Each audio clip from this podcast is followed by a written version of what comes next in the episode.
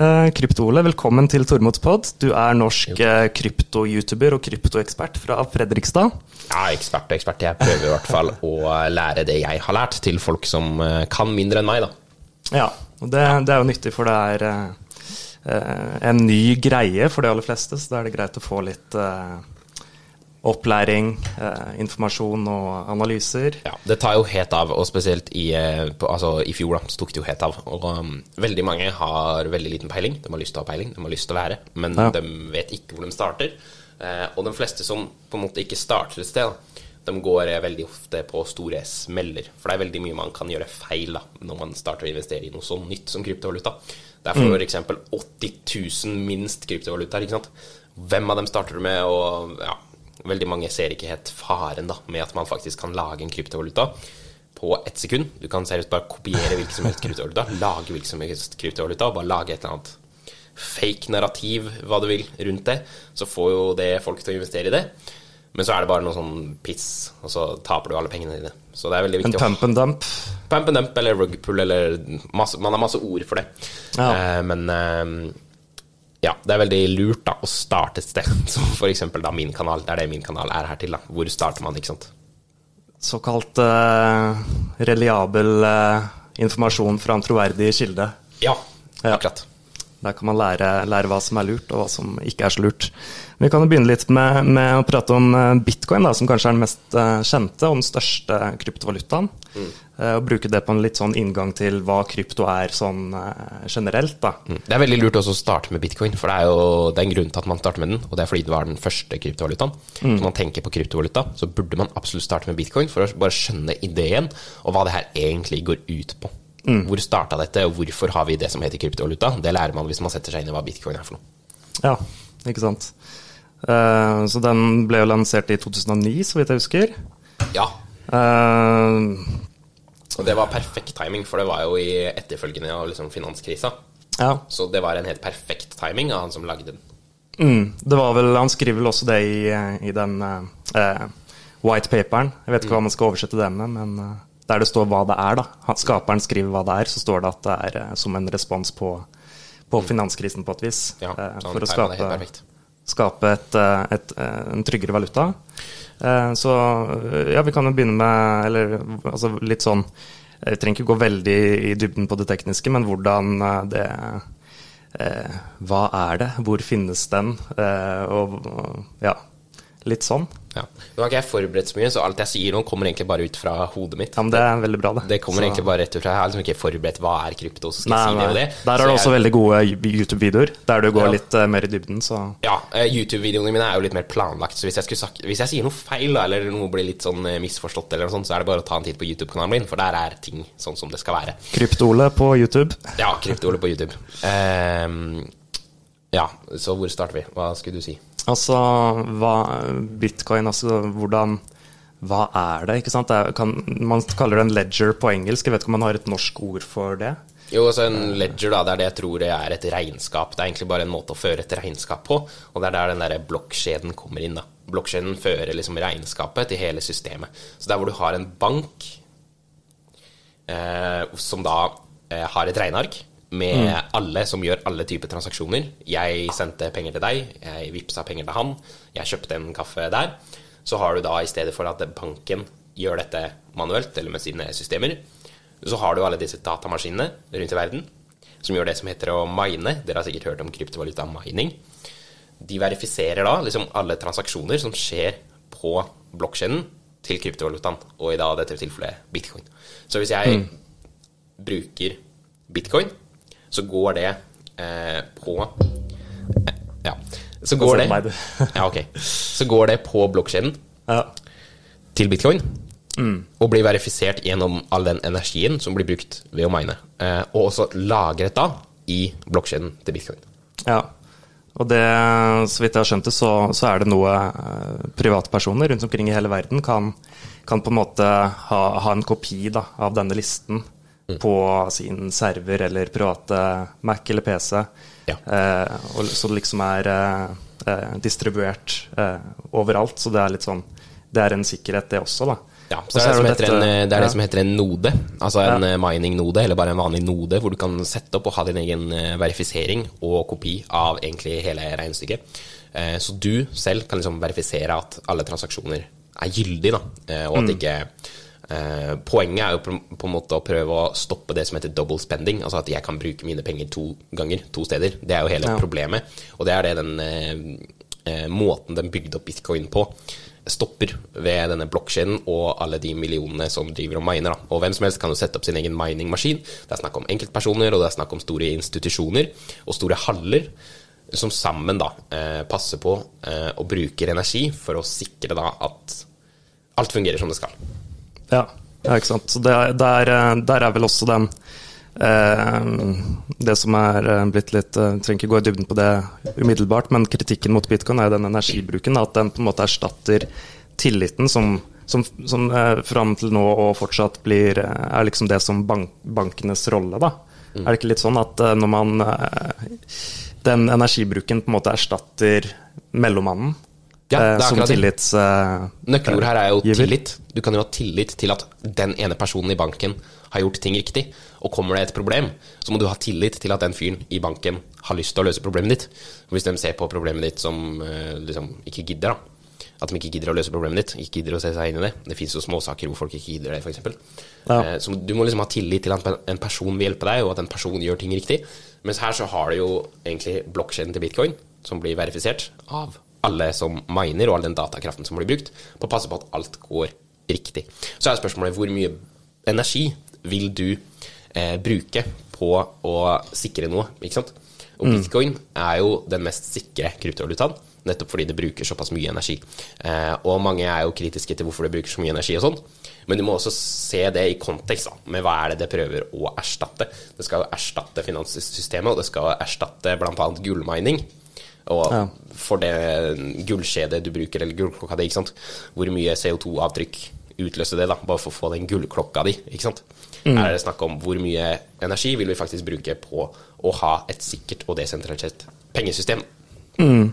Som, eh, som, også har andre eh, fordeler, da, uten at man eh, bare altså Det er ikke bare det at man fjerner banken som mellommann og og liksom får, uh, får, mer di direkte eierskap til uh, verdiene sine og pengene sine, men uh, du gjør også alt mye bedre. Altså, du kan se på f.eks. XRP. da. Det er veldig omskrytt kryptovaluta, veldig kontroversiell. Men altså, den gjør betalinger på ett sekund. Og bitcoin gjør jo transaksjoner på ca. ti minutter til en times tid. Det kommer an på hvor mange transaksjoner det er mm. der og da, hvor mye trykk det er på systemet. Men altså, du, så folk kan jo lett da si at XRP er jo overlegent, for det går såpass fort. Men XRP mangler jo veldig mye av det desentraliserte og sikkerheten til, XRP, til eh, bitcoin. Eh, og så må du se på hva bitcoin igjen skal erstatte, da. Bitcoin mm. erstatter jo et system fra 1980-tallet. Altså nå er ikke jeg noen ekspert på dette Swift-systemet og banksystemet og sånn, jeg er fortsatt bare 19 år. Men etter det jeg har lært, da, så er det i hvert fall et banksystem fra 1980-tallet som er drittregt. ikke sant? Mm. Eh, og banker rundt i verden samhandler jo ikke i det hele tatt. Det er noe sånn eh, bank Du må gjennom noen bankordning. For at den ene Hvis du skal sende penger til Taiwan, da, så må du ha en norsk bank som knytter seg til et eller annet greier i f.eks. Hellas. Og så har Hellas en eller annen bank som knytter seg til Tyskland, og så har Tyskland en eller annen bank som knytter seg til Taiwan. ikke sant? Det er ingen norske banker som er direkte kobla til Taiwan. Ja, Så du må gå sånn via via rute? Ja, via via rute. Og det kan ta flere dager før du får sendt penger dit du vil. Eh, og i Norge så merker man jo kanskje ikke det. Hvorfor skal du sende penger til Taiwan, da? Men eh, f.eks. i andre land, som vi vet at El Salvador gjør, så er det veldig mange som bor i andre land for å tjene penger til familien sin i hjemlandet, f.eks. Så i El Salvador, som nå faktisk også har godtatt bitcoin som betalingsmiddel, så er dette helt revolusjonerende. Nå kan de mm. sende penger til familien sin på ti minutter, i stedet for å gå via dette via via via systemet. F.eks. hvis det er noen fra El Salvador som jobber i Norge, så tar det jo dem en uke å sende penger hjem, ikke sant. Men med bitcoin så tar det ti minutter. Ja, ikke sant. Og så kan man jo si ja, med XRP så tar det ett sekund. Ja, ja det, er jo også, det er jo bedre, men du ofrer veldig mye for å få til det. da. Du ofrer desentralisering, og du ofrer sikkerhet. Eh, og, det er, og, og, og, på en måte å kunne gjøre noe som tar en ukes tid, da, ned på ti minutter, det er allerede en stor overgang, bare det. da. Ja, det altså det, Nå kutter man også ut alle disse Altså disse tjenestene som eh, Eller eh, vi er veldig vant med at hvis du sender penger med DNB eller eh, norske banker, da, så, så er det vel ingen som regel ingen avgift liksom, på å sende pengene, men eh, du har vel disse selskapene som eh, Jeg vet ikke hva, husker ikke hva det heter, er de som er på Oslo S og Western Union og sånn. Så de tar vel kanskje Det er vel mange sånne fremmedarbeidere som bruker de, og jeg tror kanskje de tar en margin, da. Ja, I Norge er vi veldig heldige. Vi har veldig billig og raskt banksystem. Altså Jeg kan vippse vennen min for ingen kostnad, så lenge det er under 5000 kroner. Men som regel, da eh, Ja, jeg kan ta det først òg. Jeg var jo i Spania for litt siden. Så skulle jeg jo, måtte jeg ha cash. da. Jeg skulle ta ut 200 kroner, eller 20 euro. Da måtte jeg betale liksom 10% eller sånn i vekslingsavgift på den automaten. Det er jo skam. Jeg ble lurt. Hadde det vært bitcoin, da, så hadde det kosta nesten ingenting. For med bitcoin og du kan skalere det med lightning-nettverk og sånn, som gjør at det kan vi ta senere. Men det gjør i hvert fall at eh, skal jeg betale på en måte cash da, til en fyr på Ja, når jeg skulle betale i Spania, så kunne jeg gjort det helt kostnadsfritt, liksom. Ja. Mens også det bitcoin faktisk gjør, det er å være en verdilagring, og gjerne med store verdier. Eh, og det å sende 50 kroner, eller betale noe for 200 kroner, som jeg skulle gjøre i Spania der, da, det er noe helt annet enn det å gjøre business land til land. Sende en million kroner, ikke sant. Det er noe helt annet. Og med den sikkerheten du får med bitcoin, og den desentraliseringen, så ville jeg heller valgt å sende den millionen kronene over bitcoin for en avgift på 50 kroner enn noe annet sted. Eh, For den, de 50 kronene blir en veldig liten prosent, mens skulle dette vært gjennom dette Swift-systemet eller de der via-via-systemet, eh, så hadde det fort forsvunnet 2-5% kanskje 10% til og med, av den millionen. da. Ja, i, i avgifter, faktisk, tenker du? Ja. Eh, Ja, jøss. Ja, Du må jo veksle, og bankene tar jo sin prosent. og Bankene er jo en business, det òg. De jobber jo ikke gratis. Ja, nei, da, da er det Mens med bitcoin så er det en liten avgift der òg, men med større beløp så merker du ikke den. Den er kanskje 50 kroner. Akkurat Ja. nå tror jeg den er 20 kroner. Så skal jeg, selge 10, skal jeg sende 10 milliarder kroner nå, da, så koster det meg faktisk bare 20 kroner. Og du kan jo bare regne ut hvor liten prosentandel det faktisk er. Kontra 2% vekslingsrate mellom banker og diverse, diverse, diverse. Ja. Bare prøv å ikke se på Mac-en, men se på, se på meg. Men det, Er det bedre? det er bedre. Jeg tror du får liksom mer øyekontakt oh, ja, okay. med kamera og sånn. Men, Jeg syns det var veldig eh, gøy å se på meg selv. Ja, ja. Ja. Det er uh, gøy system vi har fått satt opp her, altså med automatisk uh, sceneskifter. Vi var på Mm. eh, ja, å sende Er den, eh, den eh, fien, da, avgiften på å sende bitcoin, skalerer den seg etter beløpet, eller er den Nei. flat? Så hvis du skal kjøpe en kaffe for 20 kroner, Ja. så er det helt idiotisk. Hvorfor skal du betale 50 kroner Ja. for å kjøpe en kaffe til 20 kroner? Der trenger du andre løsninger. Og da har vi andre kryptovalutaer. Og når jeg sa det, så vet jeg at jeg får veldig mange bitcoin-aksjer etter meg. At det er andre kryptovalutaer. Men du har jo også løsningen med bitcoin med dette som heter lightning, da. Som gjør at eh, på en måte transaksjonen går ikke direkte på bitcoin-blokkjeden. Transaksjonen går bare lokalt da, mellom meg og butikken jeg handler i. Og så løses det på en måte i blokkjeden senere, da. Samler alt dette, sånn at den 50-kronersavgiften blir fordelt mellom alle. Ja. Eh, Så da blir jo det kanskje to øre da, i avgift for å kjøpe den kaffen i stedet. Ja, ikke Eller sant? Det er jo genialt. Kan det sammenlignes med altså, sånn på litt sånn på landet og sånn, så var det jo tidligere i hvert fall vanlig med at man hadde en kriteliste da, liggende i butikken. Der du, du skrev du, du betalte ikke når du var der, men du skrev det opp på lista. Mm. Og, så, og så betalte du en eller, en eller en gang i måneden eller noe sånt. da.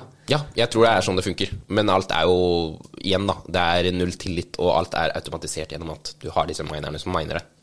Du må sette opp din egen node og sånne ting, så du, du må faktisk verifisere den transaksjonen ved å mine. Selv om det er på en måte utenfor blokkskinn. Og på Lightning. Ja, ja. Altså, Ja. Det er ikke sånn for eh, Det hadde jo ikke funka om det var bare sånn at du kunne bare gjort ting. Det må jo også mines Ja. da og verifiseres. Ja, ikke sant. Det, det visste jeg ikke. Men det legges på en måte måte i blokker, da.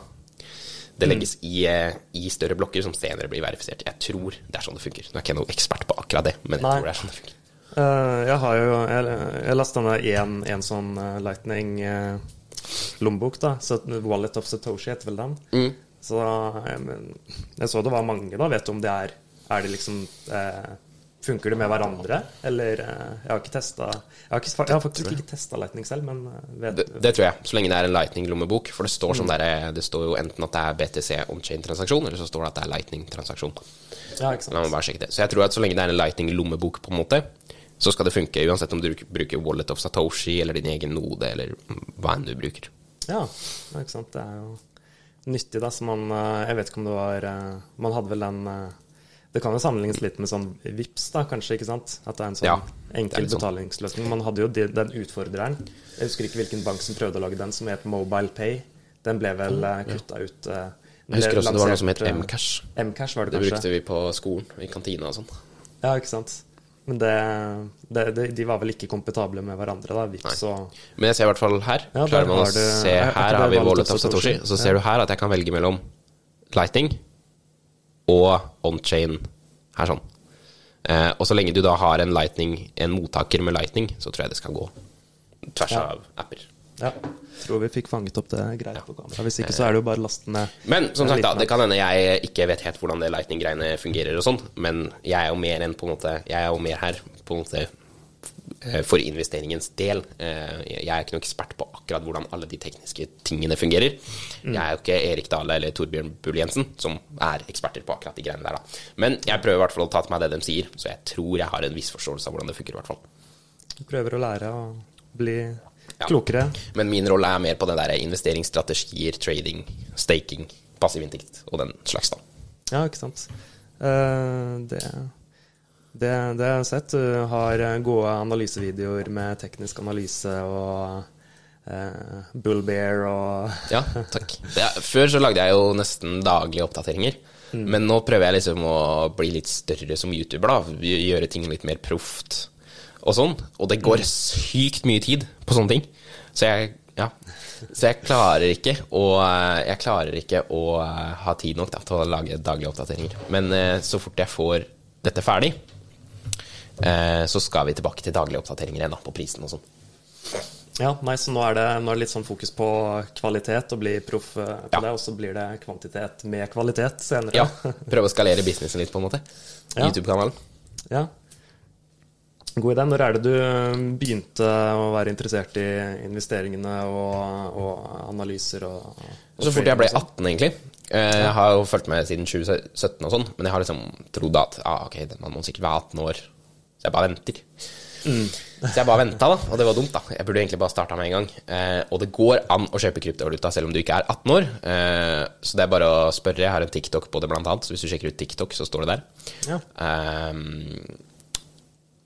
og, så det er bare å spørre meg hvordan du gjør det, for det går an. Eh, men i hvert fall, jeg ventet til jeg var 18 år i 2020. Jeg er 19 år nå, så det er et år siden. Litt over et år siden nå. Ja. Uh, for nå er det 2022. Jeg begynte vel september 2020 begynte jeg skikkelig da med trading og Ja. investering og sånt. Akkurat litt for sent for uh, den største Nei, det var akkurat starten. Akkurat starten, 2020 i september, det var rett før på en måte bullrunnet der starta. Ja, da var bitcoin på 9000 dollar. Ja. Eh, Så jeg var heldig sånn sett, men jeg hadde jo ikke all verdens penger, så det er ikke sånn at jeg har blitt milliardær på de investeringene mine. Men jeg har gjort det bra med de pengene jeg har hatt, da. Eh, Så jeg hadde jo en sommerjobb. Jeg investerte kanskje 30 000 da i september. Mm. Og så jobba jeg meg jo opp og trada litt, og også tjente mer penger på siden, som jeg da satt inn senere. Så jeg hadde jo ikke all verdens penger å starte med, men de pengene jeg har investert, har jeg gjort det veldig bra med, da. Ja, det, det, det er jo gledelig, gledelig å høre. Vi kan jo Jeg vet ikke om du har lyst til å nevne en, eh, et familiemedlem av deg som gjorde det svært stort, og Ja, hva eh, det resulterte i? Ja, eh, broren min kjøpte jo Lamborghini med bitcoin-gevinsten sin. Det var han som starta dette her. Han fikk jo meg interessert i det òg. Men han har, har da investert i det i 2019, da, ble han overbevist. Han altså tenkte lenge på skal han gjøre dette her. Han er økonomistudent, så han skjønte veldig mye med dette her med banksystemene og at alt går dritt og tregt og inflasjon og sånn. Han var den typen som satt på skolebenken og tenkte Gir det her mening? Skal valutaen tapes i verdi? Skal vi miste sparepengene våre over tid fordi det er bærekraftig for økonomien? Liksom? Er dette egentlig bærekraftig? Så fant han kryptovaluta, så var han først veldig skeptisk og sa herregud, det her kommer ikke til å fungere. Han investerte litt i XRP, da, for det så han på som en eh, bare Ja. forbedring av banksystemet. Da. XRP er jo fortsatt veldig sentralisert og egentlig bare skal forbedre det banksystemet vi har i dag. Mens bitcoin og sånn er jo mer en erstatning. Um, eh, så han investerte først ganske mye XRP og litt i bitcoin. Eh, XRP-en gikk jo da ganske fort oppover. Eh, men bitcoin gikk enda fortere oppover. Så hadde han kjøpt bitcoin med en gang, det er hans største lærepenger, da. Hadde han kjøpt bitcoin med en gang, så hadde han tjent sinnssykt mye mer. Ja. Eh, For du ser da på grafene, hvis du tar ting kontra bitcoin, så går det mest i verdi eh, ned i verdi kontra bitcoin. da. Eh, Så det kan være verdt å tenke på at selv om ting går veldig fort opp her og nå, eh, i lengden så har det alltid bevist seg å være bedre å investere langsiktig i bitcoin. Eh, Så jeg ville vært veldig, et råd for nybegynnere også er å være veldig forsiktig med å investere langsiktig i forskjellige kryptocoins. Jeg ser mer på forskjellige kryptocoins som en kortsiktig trade enn en langtidsinvestering, for du aner ikke hvordan kryptovalutaen er om noen år. da. Sånn som i 2013, topp 10-lista da, da var det Barbecue Coin, det var Z-coin og masse greier. Du har aldri hørt om dem i dag. Og i 2017 så var det Monero, det var Zcash, det var Dash. Eh, masse sånne kryptovalutaer som du kanskje har hørt om, for de er jo liksom fortsatt rundt, men de er ikke i nærheten av topp 10-lista lenger. Så de topp 10-coinsa og topp 20-coinsa som er nå, mest sannsynlig, ifølge historien, så vil de også forsvinne etter hvert, da. Men bitcoin og Ethereum, og faktisk Dogecoin, de har, vært, de har vært med oss helt fra start. Så det er litt mer sikre investeringer, faktisk. Ja, den, eh, Vi snakka om broren min, så la oss ikke gå helt ut av det. Ja. Han investerte faktisk, i hvert fall i XRP og bitcoin. Eh, han solgte XRP-en sin etter hvert. Han fikk en tripling eller noe sånt på det. Eh, mens hadde han bare holdt bitcoin hele tida, så han hadde jo hatt en solid 5-10x eller noe sånt på hele den investeringa. Eh, men han solgte i hvert fall alt over til bitcoin etter hvert. Eh, og det gikk bare veldig bra. Han kjøpte jo egentlig på bunnen i 2019, Ja. men eh, det har vært veldig mange opp- og nedturer. da. Han har tjent mye, og så har det gått veldig ned, og sånne ting. Eh, Så det har vært veldig tøft for han, selv om han kjøpte på bunnen, egentlig. Og så har han jo også investert da, mer, eh, mer etter hvert. Altså det som heter dollar cost average, altså kjøpe inn månedlig, for eksempel, da. For han fikk veldig troa på bitcoin etter hvert. da. I hvert fall etter han så at XRP gjorde det ganske dritt. da. Og at han så at bitcoin faktisk løste alle de problemene som han var skeptisk på da når han lærte om økonomi. Eh, og så og så lærte han seg også da, han ble veldig interessert i trading. Det å tjene penger på disse svingningene, det var sinnssyke svingninger både opp og ned. Så han satte seg inn i det som het giring, altså låne penger, longer og shorter. Gjerne det man gjør i forex-markedet. Bare nå for kryptovaluta. Eh, og han er en smart fyr. Han lærte seg dette her, eh, og han lærte meg også det. Og så har vi egentlig gjort det veldig bra på sånn trading, da. ja. ja, jeg har jo Og det resulterte Altså, han trada med ganske Ganske liten giring. Altså Giring er jo ganske risikabelt i seg selv, men de fleste går kanskje 10x, 7x og sånn. Men han hadde noen solide trades da, hvor han bare gikk inn med f.eks. en bitcoin på 2-3x. Og i bullrunnet da, i 2020 så var det ganske lett å tjene penger. Så det gikk jo også veldig bra for han, da. Eh, og han eh, endte opp med å kjøpe seg en Lamborghini. Han solgte da litt av portefølja si på når bitcoin var på 67 000 dollar. For da mente vi at det var en i hvert fall kortsiktig topp. Og det endte jo med at det faktisk ble en langvarig topp også. Så det var en det, Da traff han eh, godt, eh, vil jeg påstå. Ja, jeg kan det bare vi. Vi. ja, ja, det er bra, det. Ja, for det, den heter jo Team Krypto-Oles Lamborghini. er Ja, ikke? jeg sa det var Team Krypto Oles Lamborghini. Ja, ja, det er bra, det. Ta litt eh, eierskap. Ja, jeg må ta litt eierskap på det. Men teknisk analyse og sånn, er det Altså, er det, er det, det er, veld, er det anerkjent at det på en måte Det er jo det, Man har vel tatt det rett fra aksjemarkedet og liksom begynt å bruke det Ja. på krypto? På en Ja. måte de samme Og forresten, mer om den Lamborghinien sånn, så er det en video om det på YouTube-kanalen. Det er kanskje flere som vil vite litt mer om historien hans og hvordan bilen ser ut sånn. Så det er bare å stikke og se på Krypto-Ole på YouTube, da. Ja, kan du høre litt uh, brøl fra motoren? Ja, eh, og hele historien da, hvorfor vi investerte i krypto. Det er veldig lærerik video også, da, ikke bare skrytevideo. Vi prøvde jo å få det til også til å gi verdi for de som ser på den. Eh, Så det er kanskje ett minutt med litt sånn skryting av bilen og sånn. Og så er det faktisk ni minutter med veldig god informasjon om kryptomarkedet, da, og hvordan det er å investere i det. Ja. Nei, jeg har sett, eh, Men, sett eh, ja. den gode, anbefaler det. Teknisk analyse. De fleste strategier er fra aksjemarkedet og forex-markedet. Det er her daytradere som regel sitter. Det er jo i dette forex-markedet som er valutatrading. da. Så kryptotrading er veldig mye det samme. Det er valuta, det òg. Bare kanskje ikke like en anerkjente og regulerte valutaer, da. Fordi hvem som helst kan lage en krypto. Ja. Så må Men strategien er det samme. Ukentlige støtteområder, kjøpsignaler, Ja. eh, salgsmotstand, kjøpsstøtte, RSI-er og alt sånt. Du bruker det for å se på momentet og kjøpskraften i markedet og sånn. ja. Kan eh, understøtte hvor man tror prisen skal gå, da, er vel eh, tanken. Ja. Ja. Har, du, altså, har du en eh, sånn eh, analyse på stående fot, på kortsiktig analyse sånn hvor, hvor skal vi på kort sikt? Er det noe sånn eh, Vi har Altså- ikke noen grafer å dra opp akkurat akkurat nå, men Altså, daytrading handler mindre om å spå markedet. Det handler mer om å bare lage seg strategier på hvis det skjer, så gjør jeg sånn. Um, akkurat nå, basert på den tekniske analysen jeg så i stad, så ser det ut som vi skal Jeg hadde satsa på på en måte at vi skal ned mot 36 000. Altså Jo mer du klarer å spå markedet, jo bedre er det så klart. Men det handler ikke nødvendigvis om å spå markedet. Det handler bare om å forberede seg eh, på hva som kan skje, og prøve å tjene penger uansett hva som skjer. da. Gjerne hedger man. Man går både long og short samtidig for å enten minimere tapet eller eh, prøve å tjene mer. da. Eh, Så man kan ha en lengre long posisjon fordi man venter på den siste leggen opp. Men man ser det kan være veldig risky, for vi skal kanskje ned mot 36 000 først. og Da shorter man den bevegelsen man tror går ned til 36 000, så longer man den større bevegelsen. Og det det egentlig gjør da, er at hvis markedet går ned, så tjener du penger. Og hvis markedet går opp, så tjener du penger, men du tjener bare litt mindre penger fordi du hadde den ene short-posisjonen. da. Ja, ja, ikke sant. Så ja, det må jeg nesten tenke litt mer på Ja. senere, hvordan det funker å shorte. For Har du noen margin på en av posisjonene da, eller er det liksom Ja, altså Når jeg trader, når man daytrader, så låner man gjerne penger. Så du kan ha 100 kroner, men du kan gå inn med 500 kroner i markedet. Da Da har man 5x. ikke sant? Man har ganga beløpet sitt med fem ganger så mye. Eh, og en eh, total guide på hva alt dette her betyr, det fins også på YouTube-kanalen min. Altså Bitcoin trading for nybegynnere heter den videoen. en gullgruve, den eh, kanalen der? Ja, Da lærer du alt om hva long betyr, short, giring, alt det der. Så hvis det høres komplisert ut, bare sjekk ut den videoen. Ja, sånn eh, altså med å bevege seg i dette markedet, da, så kan man jo Hvis man vil liksom investere, så kan man jo Det er jo to forskjellige strate, hovedstrategier, kanskje, da, med daytrading og eh, dollar cast eh, averaging. Kan vi bare forklare konseptet eh, DCA? Ja. Altså, krypto det tiltrekker seg veldig mange som vil trade. De vil trade og tjene penger og leve av dette her. Eh, Men så enkelt er det ikke. Og det er litt oppgaven min nå. Lære hvordan man trader, men også at det er ikke så lukrativt og enkelt som det, man skal ha det til. Du kommer til å tape penger. Jeg tapte ca. 20 000 jeg, før jeg igjen klarte å tjene 20 000, ikke sant. Så du må tape penger for å lære deg liksom For å havne i fallgruvene. Du må havne i disse fallgruvene og situasjonene selv for å lære deg hva du kan gjøre, da. For å prøve å hedge deg selv og gjøre ting annerledes neste gang. Eh, og 90% taper penger i løpet av den første tiden. Sånn er det bare. Du kommer til å tape penger.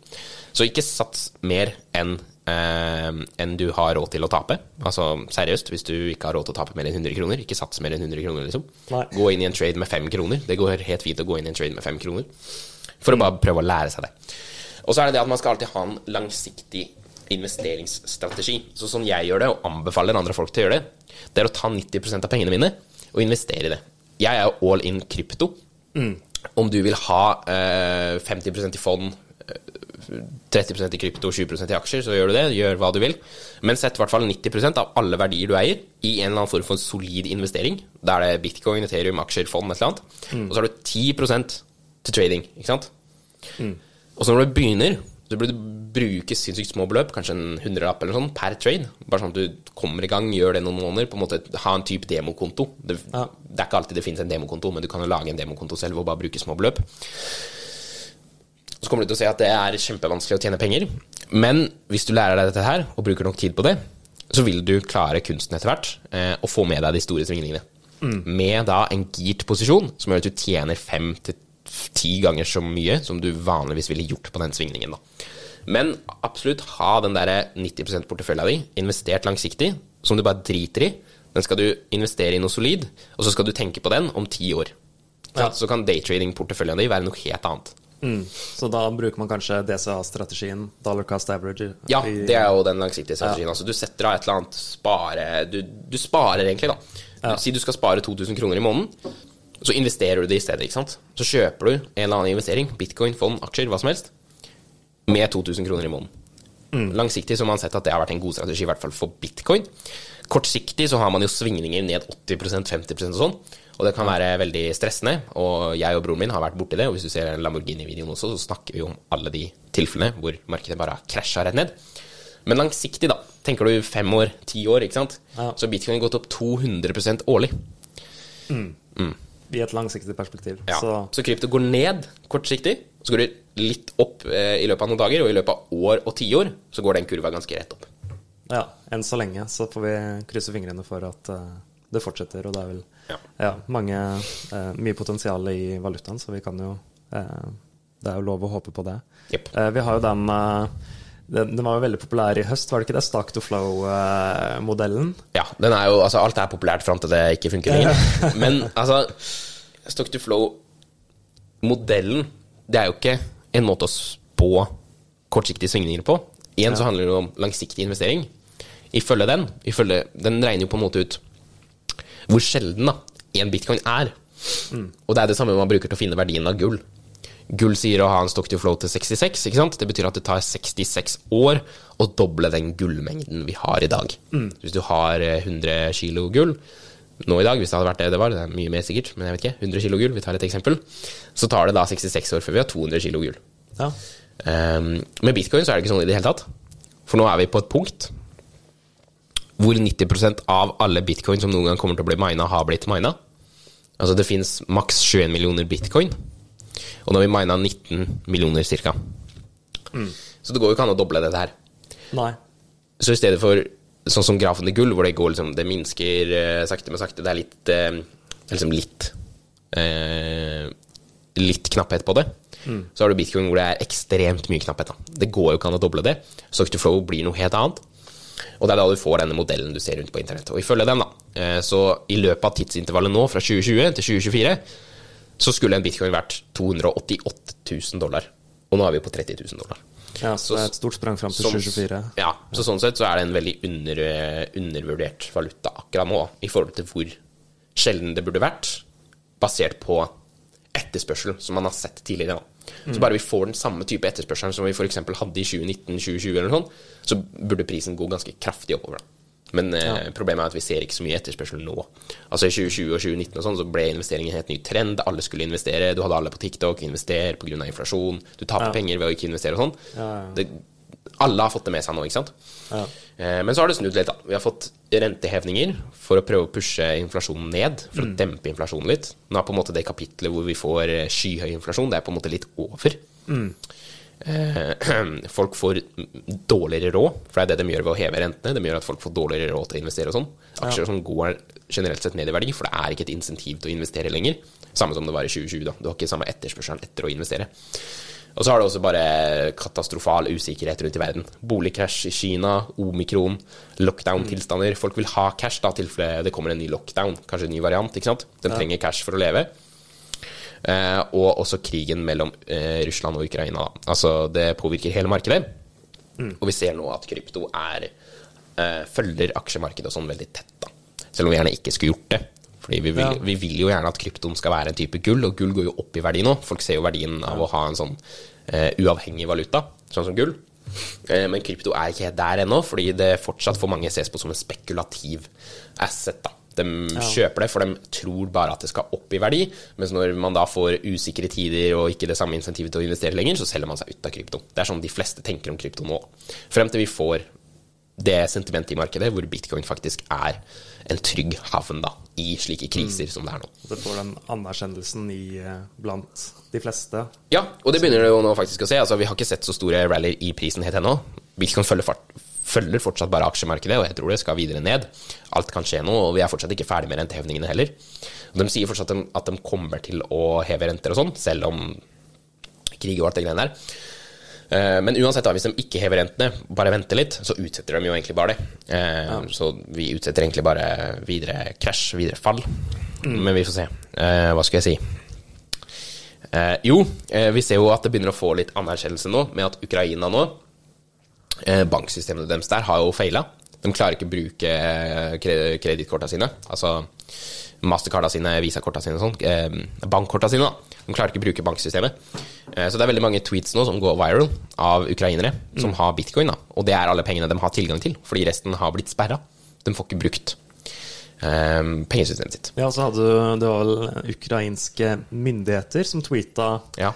Hjelp oss, send oss bitcoin, Ethereum Ja, til disse altså- adressene. Og det ble eh, verifisert og på en måte anerkjent eh, at det var reliabel. Ja. Ukrainas offisielle Twitter har også bedt om kryptodonasjoner. Da. Eh, og det har ikke sånn sett noe å si for kryptoverdien. De vet jo bare at eh, folk med penger har gjerne litt krypto. Eh, så vi lager en kryptodonasjon. Hvem som helst kunne gjort det uten at det betyr at vi ser verdien av krypto. Men allikevel, da, med at vi ser at banksystemet deres har feila, eh, folk får ikke brukt korta sine, folk får ikke kjøpt ting, eh, de må ha cash da, eller krypto. Eh, og du får kanskje ikke kjøpt noe med kryptoen overalt. Men det handler jo om den millionen du har, da. Ikke sant? Den formuen din. Du må sikre den. ikke sant? Så selv om du ikke får brukt kryptoen din, kanskje at, at cash kanskje er bedre da, å ha akkurat i den situasjonen hvor du er i krig, fordi da kan du faktisk gå og veksle denne eh, fysisk. Men du kan ikke gå rundt med en million kontanter, ikke sant? Nei. Du må sikre formuen din, og det er det folk eh, nå ikke har gjort. Folk hadde formuen sin i banken, som de nå ikke får tilgang til. Og de vet heller ikke om de noen gang kommer til å få tilbake den formuen. Mens de som har krypto, de har jo da ivaretatt formuen sin og kan ta den med seg hvor som helst de måtte havne nå. Veldig mange er jo redde for at det ikke blir noe hjemkomst til Ukraina, og de må flytte for alltid og sånn. Og de som da har kryptovaluta, har jo da med seg formuen sin, milliardene sine, millionene sine, overalt hvor enn de går. Ja, det, det er jo en kjempe Det er jo hell, hell i uhell, for så vidt. Men at, at en bitcoin og krypto får vist seg fram da, i en sånn situasjon, på en måte. Ja. Og så har du jo eh, Altså, det går jo an å betale med krypto, så klart. Men du må ha motparten også godtar det, da. Ja. Eh, og da kan du jo tenke ja, men hva med internett? De har jo ikke tilgang til internett når det er krig. altså Alt blir jo sikkert sperra og knust og sprengt og sånn. Ja. Men så har du jo Elon Musk, som nå gir Ukraina tilgang til Starlink-greiene sine. Verdens Yes. raskeste og mest sikre nett. Nå kan ikke jeg så mye om Starlink, men vet, det er nok verdens sikreste og raskeste nett. Som er via satellitter som man har skutt opp en hel haug av? Ja, eh, av SpaceX, da. Eh, Tesla, Elon Musk. Så det argumentet ble jo også da knust, at eh, hva skal du med krypto når ikke du får brukt det? Du må ha internett, du må ha tilgang, bla, bla, bla. Nå har de jo det. Sant? Verdens raskeste internett, fordi Elon Musk ga dem tilgang til det, for å kunne bruke kryptovalutaen sin og den slags til å komme seg rundt og veksle betalingsmiddel. Ja, det er jo fantastisk. Altså, jeg kan ikke så mye om Starlink heller, men går det, det går kanskje ikke rett, rett inn på 4G eller 5G i mobilen? Man må kanskje ha noe adapter? Jeg vet ikke, jeg så noen modem. eh, diskusjoner om at man trenger noe hardware. Man må Ja. ha en eller annen greie, men Elon Musk har da sendt det til Ukrainas myndigheter, sånn at de skal kunne få det signalet i Ukraina. Mm. Så får de jo tilgang til internett. Jeg tror det er sånn det funker. Eh, og, og her ser vi jo da verdien av kryptovaluta i krigssituasjoner, blant annet. Du Mm. kan flykte, du kan rømme, du kan gjøre hva du vil, og fortsatt ha med deg pengene, bare på mobilen din, eller med koder som du selv har lagra i huet ditt. da.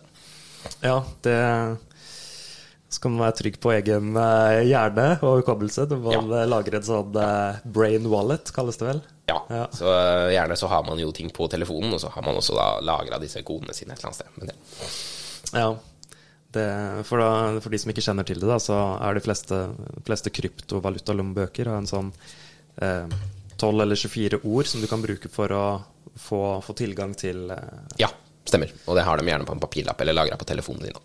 Og det er for Ja. å få tilgang til lommeboka si. Men så lenge du har telefonen din, så trenger du ikke det. Fordi du har jo allerede låst opp telefonen. Du har låst opp lommeboka di på telefonen, men i det tilfellet hvor du skulle mista telefonen din, eller hvor du har lommeboka di, så er det disse kodene du må ha da, og da kan du gjenopprette lommeboka di fra hvor enn du er i verden. Så du kan også miste telefonen din med all kryptoen på, og bare finne en ny telefon eller en ny PC og fortsatt ha tilgang til kryptoen din. Så det er jo helt fantastisk. Ja, ikke sant. Men vi var jo litt inne på dette med internett, og at det ikke funker. da. Det er jo en, eh, eh, det er en tek teknisk eh, svakhet ved bitcoin, da, hvis man liksom ser for seg akopolypsen og at internett, Ja, altså, er internett forsvinner. Hvis det blir krig her i Norge, liksom, så er det ikke sikkert at du har tilgang til internett. Men vi ser jo at med sånne tjenester som Starlink da, og satellittinternett og sånne ting, så ser man at det går jo uh, Verden er på vei til et sted der hvor det å ha dekning kommer ikke til å være et så stort problem lenger. nå. Eh, og kryptovaluta er jo litt avhengig av det, ja, men vi ser at det er jo dit verden er på vei. At alt blir digitalt. liksom. Ja. Og selv om, du, selv om 20 kroner kontant eller 100 kroner kontant hadde vært bedre for meg for å betale han bussjåføren for å kjøre meg, da, eh, så hadde det vært fullt mulig å gjøre det med kryptovaluta òg, så lenge han bussjåføren godtar kryptovaluta. Eh, Og så handler det da også om formuen, ikke sant. Jeg kan ikke ha med meg milliardformuen min i kontanter. Men det kan være lagra ekstremt sikkert, uansett hva som måtte skje i verden, på Bitcoin-blokkjeden. Ja, ikke sant. Det, det er litt lettere å oppbevare mye spenn der. Eh, Ja. Hvis vi snakker om eh, Ukraina og Russland, vi tangerte det, kom litt inn på det. Ja, jeg ser også at russere og andre ukrainere, altså dumme personer, da, driver også og robber bankene der nede. For de ser jo muligheten til å get some quick cash, ikke sant. Ja. Eh, det hadde jo ikke skjedd i tilfellet med kryptovaluta. Hadde det vært kryptobanker, så hadde de ikke hatt sjanse til å få tak i den kryptoen. De trenger jo da disse kodene, og de kan også bare stenge ned eh, banken, ikke sant. Så er det jo ingenting der, fordi kodene og kryptovalutaen ligger i disse kodene de tar med seg, ikke sant. Mm. Så kan de bare sette opp banken hvor som helst, ikke sant. Det hadde, hadde ikke vært mulig å robbe banker da, hvis vi hadde brukt kryptovaluta. Ja, ikke sant? Og man, man blir jo litt sin egen bank. Det er vel det, det, det man Ja, det er det det også handler om, hvis får større eierskap og mer ansvar. Du har ingen, du har ingen som passer på at du gjør ting riktig, og plutselig så, så mister du en million og gjør en eller annen Ja, eh, det også er jo en av svakhetene, da. At folk blir jo litt sånn I hvert fall sånn det er akkurat nå. Hvis du skal lagre kryptovalutaen din sikkert og ansvarlig, så må du ha litt teknisk kunnskap. Du må liksom klare å sette opp en sånn derre harddisk. Og du må passe på at du klarer å huske den derre tolvordskoden din og passordet du setter opp. Mens i dag, altså det som kan være positivt, og en grunn til at folk bruker banksystemet, er at det er dritlett. Du bare lar, eh, lar hun fra DNB, hun gjør jo alt for deg. Mens du kan gå på butikken og bruke pengene dine. Alt det tekniske blir tatt hånd om. Eh, men det fins jo da også kryptobanker. Altså Norwegian Block Exchange, Firi, Binance. Og da oppretter du bare en bruker, kjøper kryptovaluta, og så tar jo dem hånd om det. Problemet da igjen er jo at kryptovalutaen blir jo mer sentralisert. ikke sant? Da kan jo myndigheter blått begynne å ta litt makt over disse kryptobankene. Men for å få en helt desentralisert opplevelse, så må du da gjøre en sånn harddisk. Ja da, Leo. Slutt! Slutt! Slutt! Slutt! Ja. Eh, men vi er jo Men Er det noe Leo? som kommer? Slutt! Det er lille Leo som eh, passer på her. Hørte noen mistenkelige lyder. Så han, eh, han passer på oss. Ja, han passer på. I fremtiden så vil det nok også komme litt eh, enklere metoder for dette. Brukervennligheten vil gå opp, og vi kan f.eks. bare bruke, i stedet for å måtte huske en kode, da, bruke fingeravtrykk, face-ID, liksom kroppsdeler, da, som dette passordet i stedet. Jeg hører det er veldig mange som snakker om det. Nå kan jeg ingenting om det, men jeg vet hvert fall det er snakk om det, og det er potensielt dit vi skal i fremtiden. da. At man bruker liksom fingeravtrykk og face-ID og sånne ting. DNA Wallet. Ja, øyne og sånne ting. Hvor du trenger ikke den koden. da Du bare skanner øyet eller fingeren eller hva som helst. Ja, men det mye potensial fremover med, med slike ting. Ja, virkelig. Ja, man, man man får lagret det på blokkskjeden på et vis. Eller jeg, jeg, har ikke nok teknisk kunnskap til å utdype det, men hvordan man skulle gjort det. Men eh, det, det er fantastisk potensial. Nei, og da er det jo sikkert bedrifter der ute som tar eh, eh, Som tar og hjelper deg å sette det opp. Ikke sant? Sette opp en helt egen wallet, så det blir helt desentralisert og sikkert bare for deg selv. Eh, og så slipper du disse kodene og sånn, fordi det er du som er koden i seg selv, da, med dine kroppsdeler og sånne ting. Ja, Det kan være kult om det skjer. Da er du virkelig fysisk sett din egen bank. Mm. Og så har vi jo denne det- det Swift-samarbeidet. Vi snakket jo litt om det i sted, dette Mm. på tvers av eh, grenser og sånn. Det er jo eh, så en overskrift om at liksom Russland skal bli utestengt fra det, da. Eh, og da har man jo spekulert i om, om de vil på en måte eh, skape en litt sånn kjip assosiasjon til bitcoin igjen, da, hvis de plutselig Ja, det er bra du ser det perspektivet, for de fleste er jo helt sånn Oh my god, Russland vil ta i bruk bitcoin, det kommer til å gå til himmels. eh, Bitcoin er en god investering. Mens jeg ser jo på det som Ja, faen, hvis Russland begynner å ta i bruk krypto, så har vi enda et argument mot oss på at det er bare kjeltringer som bruker det. Ja. Ikke sant? Det det er bra du ser den, fordi det er faktisk Jeg vet ikke hvor positivt det er for kryptovaluta hvis det, liksom, det blir kjent at Russland er de som tar det i bruk, liksom. Jeg vil jo heller at noen andre skal gjøre det, på en Ja. måte. Men jo, det er, det er positivt sånn sett for verdien til bitcoin, fordi da har du en hel krigsnasjon som ser verdien av det, i hvert fall. Ja. Men det er litt sånn Det, det er feil land. Jeg vil, Ja, at, feil jeg vil ikke at dem skal være de første, liksom. Ja, det er litt, det er litt eh, at hvis man har et sånn liberalistisk syn på det, så er det kanskje eh, greit å ha en, en eh, At bitcoin er egentlig helt nøytralt i seg selv. Alle kan Alle kan bruke det. det. ja, som Erik Dale sier, da, det blir som å si at kjeltringer kjører bil på veier. da. Ja, Selvfølgelig bruker kjeltringer kryptovaluta. Det er eh, Ja, den bruker vanlige penger òg. Den bruker cash også, liksom. ja. Men uh, det som er bra, da, det er at vi ser ikke at det er Russland som leder denne kryptoadopsjonen nå. Det er faktisk Ukraina, som vi snakka om tidligere. Ja. Det er jo ukrainerne som begynner å ta i bruk kryptovaluta nå for å sikre pengene sine og kunne bruke kontanter når banksystemet feiler og svikter dem og sånne ting. Mm. Og det er faktisk bra at det er det narrativet vi får, da. At det er faktisk Ukraina nå som blir på en måte kryptonasjonen av den konflikten her. Frihetskjemperne tar yep. Eierskap til det. Det er bra. Da får vi en god historie. Så Russland kan jo begynne å ta i bruk bitcoin og XRP, hva som helst, men for min del så blir det feil å heie på at det skal skje, da.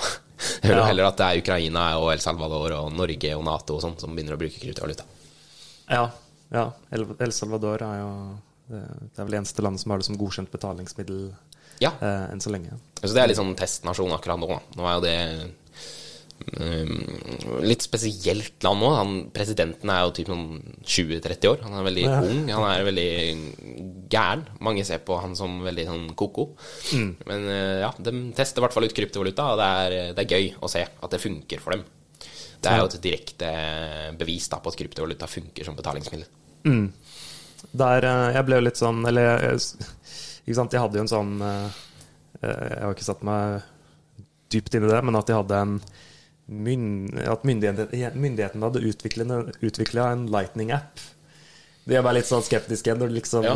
eh, De har eh, det som heter Shivo krypto. Altså I El Salvador så har jo myndighetene nå laga sin egen lommebok. Shivo heter det. Ja. Eh, og det betyr et eller annet ord som jeg ikke husker nå. Men det betyr noe sånn frihet eller et eller annet sånt. Eh, og ja, de har laget sin egen da sentraliserte lommebok.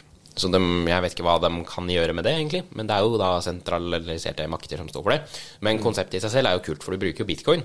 Og selv om de har lagd lommeboken, så vet ikke jeg hva de kan gjøre. Men det er jo bitcoin de bruker, og det er ingen som kan fucke med bitcoin på en måte. da.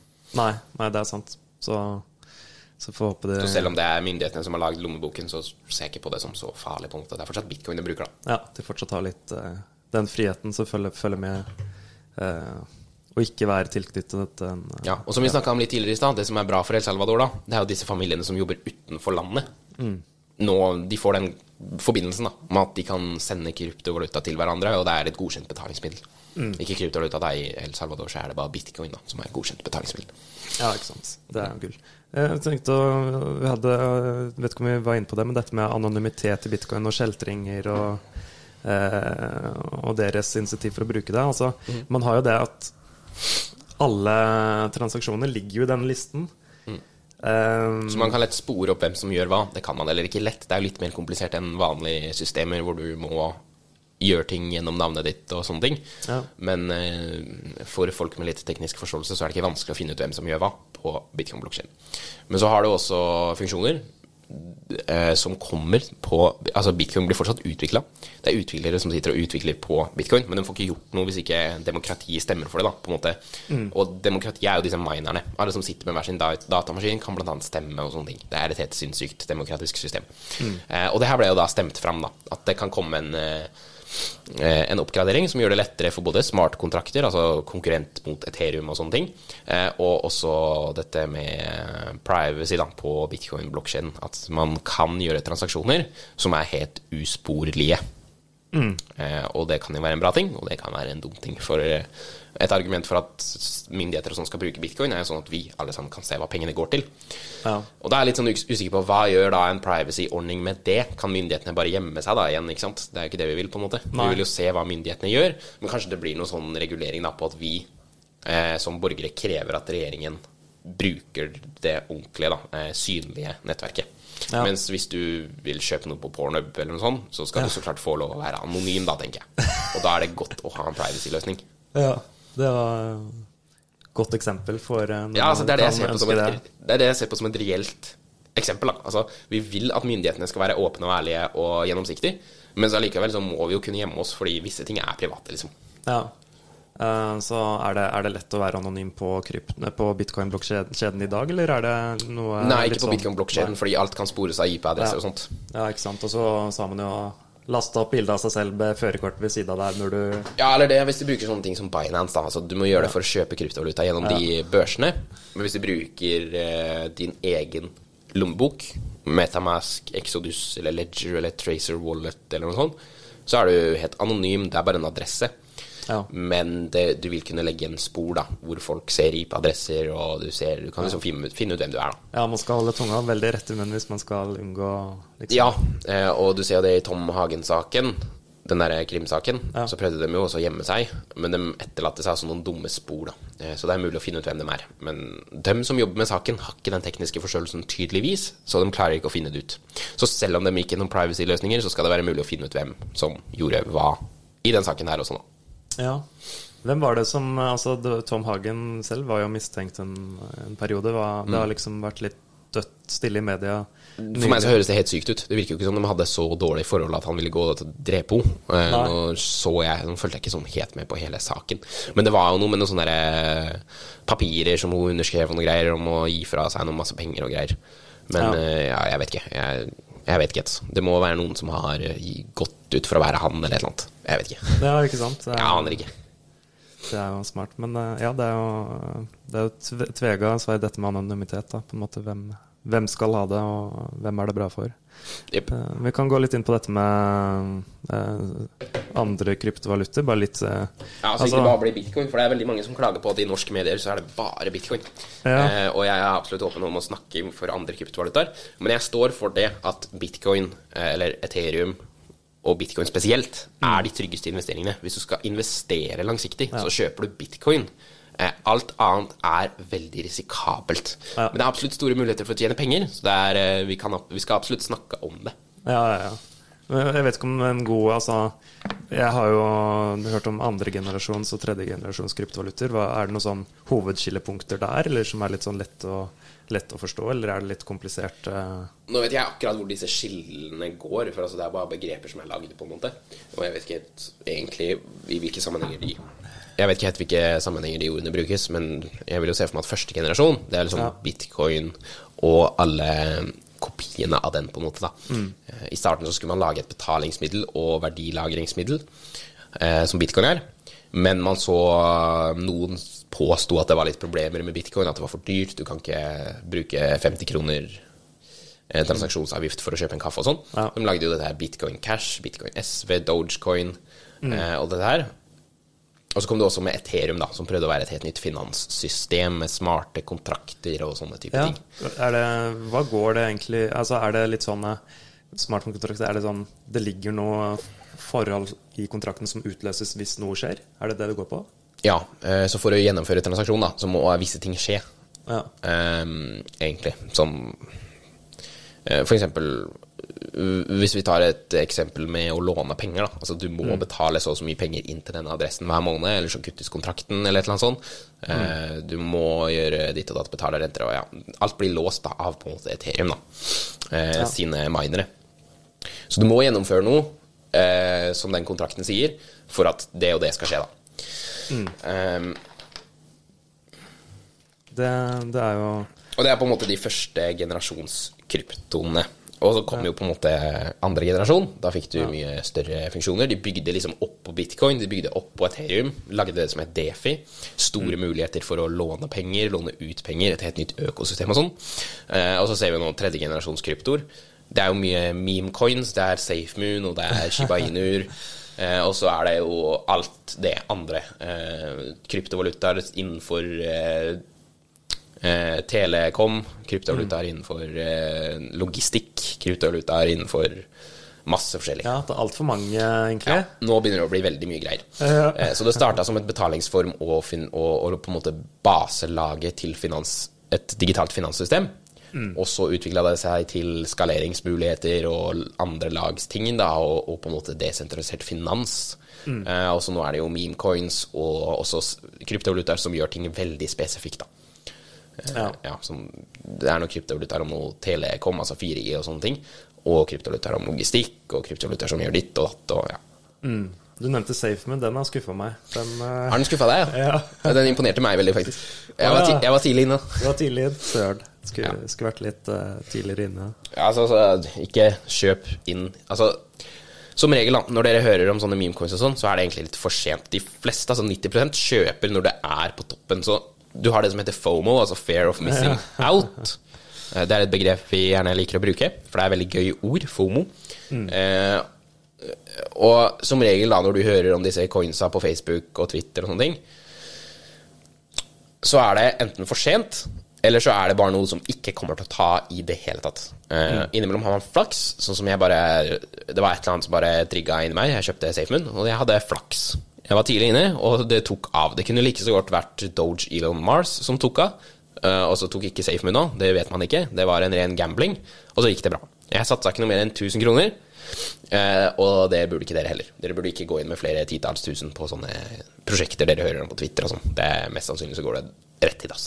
For jeg har også kjøpt noe som heter eh, Ja, nei, jeg vet, husker ikke hva det heter engang. Men ja, jeg har kjøpt to prosjekter da, som gikk rett i dass. Altså, det er 1000 kroner som bare har forsvunnet, på en måte. For det er det, Uansett hvor bra det prosjektet høres ut, da, så er den kryptocoinen eh, det, det bare går i dass. Ja. Det er ikke så revolusjonerende som det høres ut som. Eh, så sett pengene dine i noe solid, som f.eks. bitcoin eller Ethereum. da. Bit- Bitcoin, da. Eh, og så kan du leke med 10 av portefølja di. Enten ved daytrading og sånne ting, eller ved da kryptotrading. Small cap trading. Men SafeMoon gikk bra. Den gikk jo 100x, så på 1000 kroner da, så ble det 100 000 kroner. da. Eh, oh, så det er jo muligheter overalt. Ja, hvis man er tidlig ute i noe gambling, så, så kan det gå.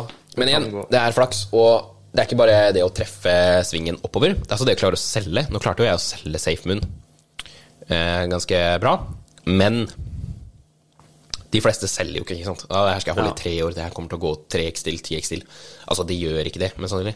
Men, eh, så ta profitt, ikke sant. Når du har den 10 trading-portefølja di, den er det viktig å bare eh, å, å ta profitt på prosenter på veien oppover. da. Ja, da, da må man liksom kanskje følge med litt. Og, du kan ikke, kan ikke bare Nei, ikke, Ikke- ikke, ikke investere langsiktig, med mindre det er bitcoin, Ethereum, store Ja, ikke sant. Så det, det fordrer at man liksom- krever at man er litt på, da. Ja. Hvis man Ja, eh, skal gamble litt.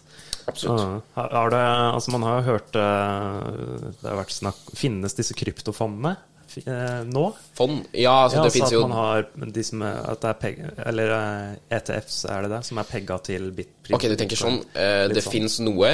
Du har blant annet et stort selskap som heter Hva heter det? Grayscale.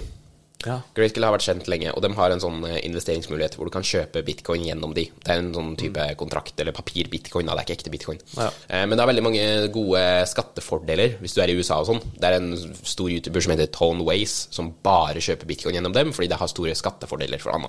Ja. Eh, Og det er egentlig derfor folk velger det. da. Det er skattefordeler. Mm. Men den, eh, sånn som nå, så selges jo den til en eh, den, har jo også sine egne prissvingninger. Så jo flere som vil ha akkurat det papiret, jo mer går den opp. Så vi så da at inn i bullrunnet i mars i fjor, eh, så var den veldig mye dyrere enn faktisk bitcoin. Men sånn som nå, så ligger den på 30 eh, mindre enn bitcoin. Ah, yes. Så grunnen til at jeg ikke kjøper den, selv om den er på 30% discount, det er fordi du vet ikke om folk kommer til å ville ha det igjen. da. Eh, det krever at folk vil ha akkurat den. Mens hvis du investerer i vanlig bitcoin, så er det bare at folk vil kjøpe bitcoin. Så uansett hvilken type bitcoin de kjøper, så går jo bitcoin din opp i verdi. Mens hvis du kjøper denne rabatten, da, eh, hvis du tror det blir en rabatt, så, så trenger du også at folk kjøper akkurat det papiret. da. For at det skal gå opp igjen. Så det kan jo hende det går opp igjen og blir dyrere enn bitcoin igjen. Men det er veldig spekulativt. da. Jeg holder meg til vanlig bitcoin. Ja. Har man, eh, er det noe sånn Kan Grayscale gi deg én bitcoin hvis du har kjøpt en bitcoin gjennom dem? Er det noe sånn Eh, Det vet jeg ikke Nei. faktisk. Om de har eh, backing av et reserve. De har jo garantert det, Ja. for de må jo ha det. Men jeg vet ikke om det er sånn det funker. I hvert fall så kjøper du papir. Er det noe Har det noe sånn eh, Hvis noen liksom eh, hører på og tenker Ok, jeg, får eh, sette, sette litt eh, spenn i noe bitcoin eller noe. Har du noen sånn børsanbefaling? Sånn eh, Ja, altså de norske. De norske, Eh, Firi og Norwegian Block Exchange. Det er veldig enkelt og trygt. Eh, de er norske også, norsk kundeservice og sånt. Ja. Eh, og så bare sjekk ut kanalen min. Jeg har en video der på hvordan man kjøper eh, krypto. Kjøp krypto på fem minutter. Ja. Så da lærer du det. Og så har jeg også en Discord-server, som du også finner hvis du går i beskrivelsen på YouTube-kanalen min, hvor vi snakker om altcoins, krypto, solide prosjekter, trading, alt mulig. Så hvis du, har en, hvis du lurer på den neste store kryptoen eller sånn, så er det mest sannsynlig noe snakk om det inne på den Discord-serveren. Kan man få litt uh, tidlige signaler? Ja. Men altså, det er jo, det er jo vanlige folk sånn som deg, da, som er på Discord. Så det er ikke noen eksperter. Eller no, noen av dem er ganske flinke, men du skal altså være forsiktig da ved å høre på folk inn på Discord. Det er ikke alltid de er eksperter, dem heller. Nei, nei, sant. Og gjerne har man investert i noe selv, og da, da tar følelsene over, og så skiller man dette her fordi man tror det skal til månen, og det skjer ikke at dette her kommer til å krasje, for det skal til månen, for jeg har investert i det selv. Så ja, vær, eh, vær også forsiktig på det du hører inn på discorden, men vi er i hvert fall en gruppe mennesker da, som prøver å gjøre det bra i markedet. Ja, god idé. Følg med på Kryptole på Discord. Jeg finner link på, på hans uh, sider på YouTube, blant annet. Ja, Eh, alt av linker ligger i beskrivelsene på videoen min. ja, Vi har jo det norske selskapet. Det er vel Torbjørn Bull Bull Jensen eller Hansen? Husker du? Torbjørn Bull Jensen, Bull han driver jo Arcane. Ja. Hva gjør de? Vet du det? Jeg er faktisk litt usikker. Jeg tror det er sånn at de hjelper bedrifter med å sette opp disse nodene og sånn. Sette opp betalingssystemer med bitcoin og sånn. Ja. For jeg, Det det jeg jeg og en venn da, vi, vi la en liten sum i det hver, da, og så tenkte vi oh yes, da, da vi liksom Vi trodde det var sånn, eh, en avart av bitcoin. da Et slags sånn bitcoin eh, Ok, så du har investert i Arcane-aksjen, liksom? Ja, bare en, eh, Ja, for jeg tror to- det er kanskje Det er kanskje mulig at de har noe sånn der at de investerer for deg og noe greier også? Ja, jeg visste ikke helt hva det var. Jeg bare visste det var Så, så ordet krypto ble litt uh, revet med. Men, eh, men det var visstnok ikke sånn peg, pegga til kryptoen, på en måte. Men, eh, Nei, altså, men fleste, det er mange kryptorelaterte aksjer også, sånn som Harmony Chain, som er norsk selskap Ja. også. Eh, og mange investerer jo også dette, for den tror at det kan gå 10x ikke sant, hvis krypto gjør det bra. Mm. Eh, men som sagt, jeg er ikke noe sånn teknisk god på bitcoin, og, eller jeg kan mye, men jeg kan ikke alt. da Jeg er ikke noen teknisk Ja, ja. hva gjør egentlig Arcane og sånn. Jeg er jo mer her for eh, investeringens del, da. Og jeg er en daytrader, ikke sant. Det er det jeg er ekspert på. Ja, Ja. det, det, det er uh, Jeg skal ikke kalle meg noen ekspert, da, men det er det jeg er litt god på. Ja, ja, ja. Og jeg prøver å lære det jeg kan til de som kan litt mindre enn meg. Ja, det, det er en fin ting å gjøre. Du, altså, vi har jo disse eh, ofte på YouTube så, og på Facebook så skriver folk hvis de gir noen tips eller skriver noe veldig sånn eh, Argumenterer for hvorfor folk bør investere i det de eh, en krypto de er ivrig på, da, så skriver de til slutt 'ikke finansielt råd'. Hva handler det om? Vet du det? Er det Det noe det sånn juridisk eh, eh, greie? Ja, jeg så det her webinaret med Finanstilsynet, og da forklarte de egentlig hele greia. Altså, hvis du gir eh, eh, Ja, hvis du gir tips om aksjer og sånn, som når ut til en større målgruppe enn bare kompiser, venner, så, så må du passe på at det ikke er finansielt råd, da. Um, Ja. For da kan du stå ansvarlig for det hele annet. Jeg, er, ja. jeg vet egentlig ikke hva jeg snakker om nå. Nei, men det er en sånn juridisk greie. Sånn, ja, eller, nei, det er vel egentlig ikke det. Nei. Men nå husker jeg ikke helt hva det var for noe. Men det er i hvert fall sånn at uh, man eh, burde bare gjøre det. For uh, man, man burde prøve å unngå å gi kjøpsanbefalinger, da. Og det gjør jeg jo. Jeg sier liksom bare hva jeg selv gjør, da. Og det er greit. Men hvis jeg skulle sagt i en video bare litt feil, da. Eh, Kjøp den her, bare fordi jeg sier det feil, liksom. Så har jeg det under videoen også, da. Ikke finansielt råd, sånn at folk ikke kan ta meg på noe. Ja. Jeg liker heller ikke gi råd. Eh, nei, sånn altså kjøpssignaler og sånn. Jeg, jeg liker ikke å gjøre det. Eh, fordi jeg vil at det skal mer handle om å lære risikohåndtering. Lære risikohåndtering. Lære hva man ikke skal gjøre. Og på en måte bare føre folk på en riktig vei, da. I stedet for å kjøpe kjøp den, kjøp den, og så lærer de egentlig ingenting. For de hører bare på råda dine. Jeg vil heller lære folk på en måte hva man skal unngå, hvordan man gjør ting riktig, da. Ja. Det det det, det høres jo lurer ut å bygge kompetansen hos eh, menneskene som skal, Ja. skal investere sine penger. Kjøpsignaler har vi jo andre selskaper og sånn som kan gi deg, da. Ja, ikke sant. Mm. Ja, jobber, du, jobber du fulltid med krypto og Ja. sånn? Ja, ikke sant? Daytrading og Ja, det har ikke vært så mye daytrading nå i det siste. Som sagt, det også med daglige Når jeg drev med daglige videoer, så var egentlig alt jeg drev med daytrading. Da satt jeg jo bare og annonserte markedet og lagde en kjapp video på det, liksom.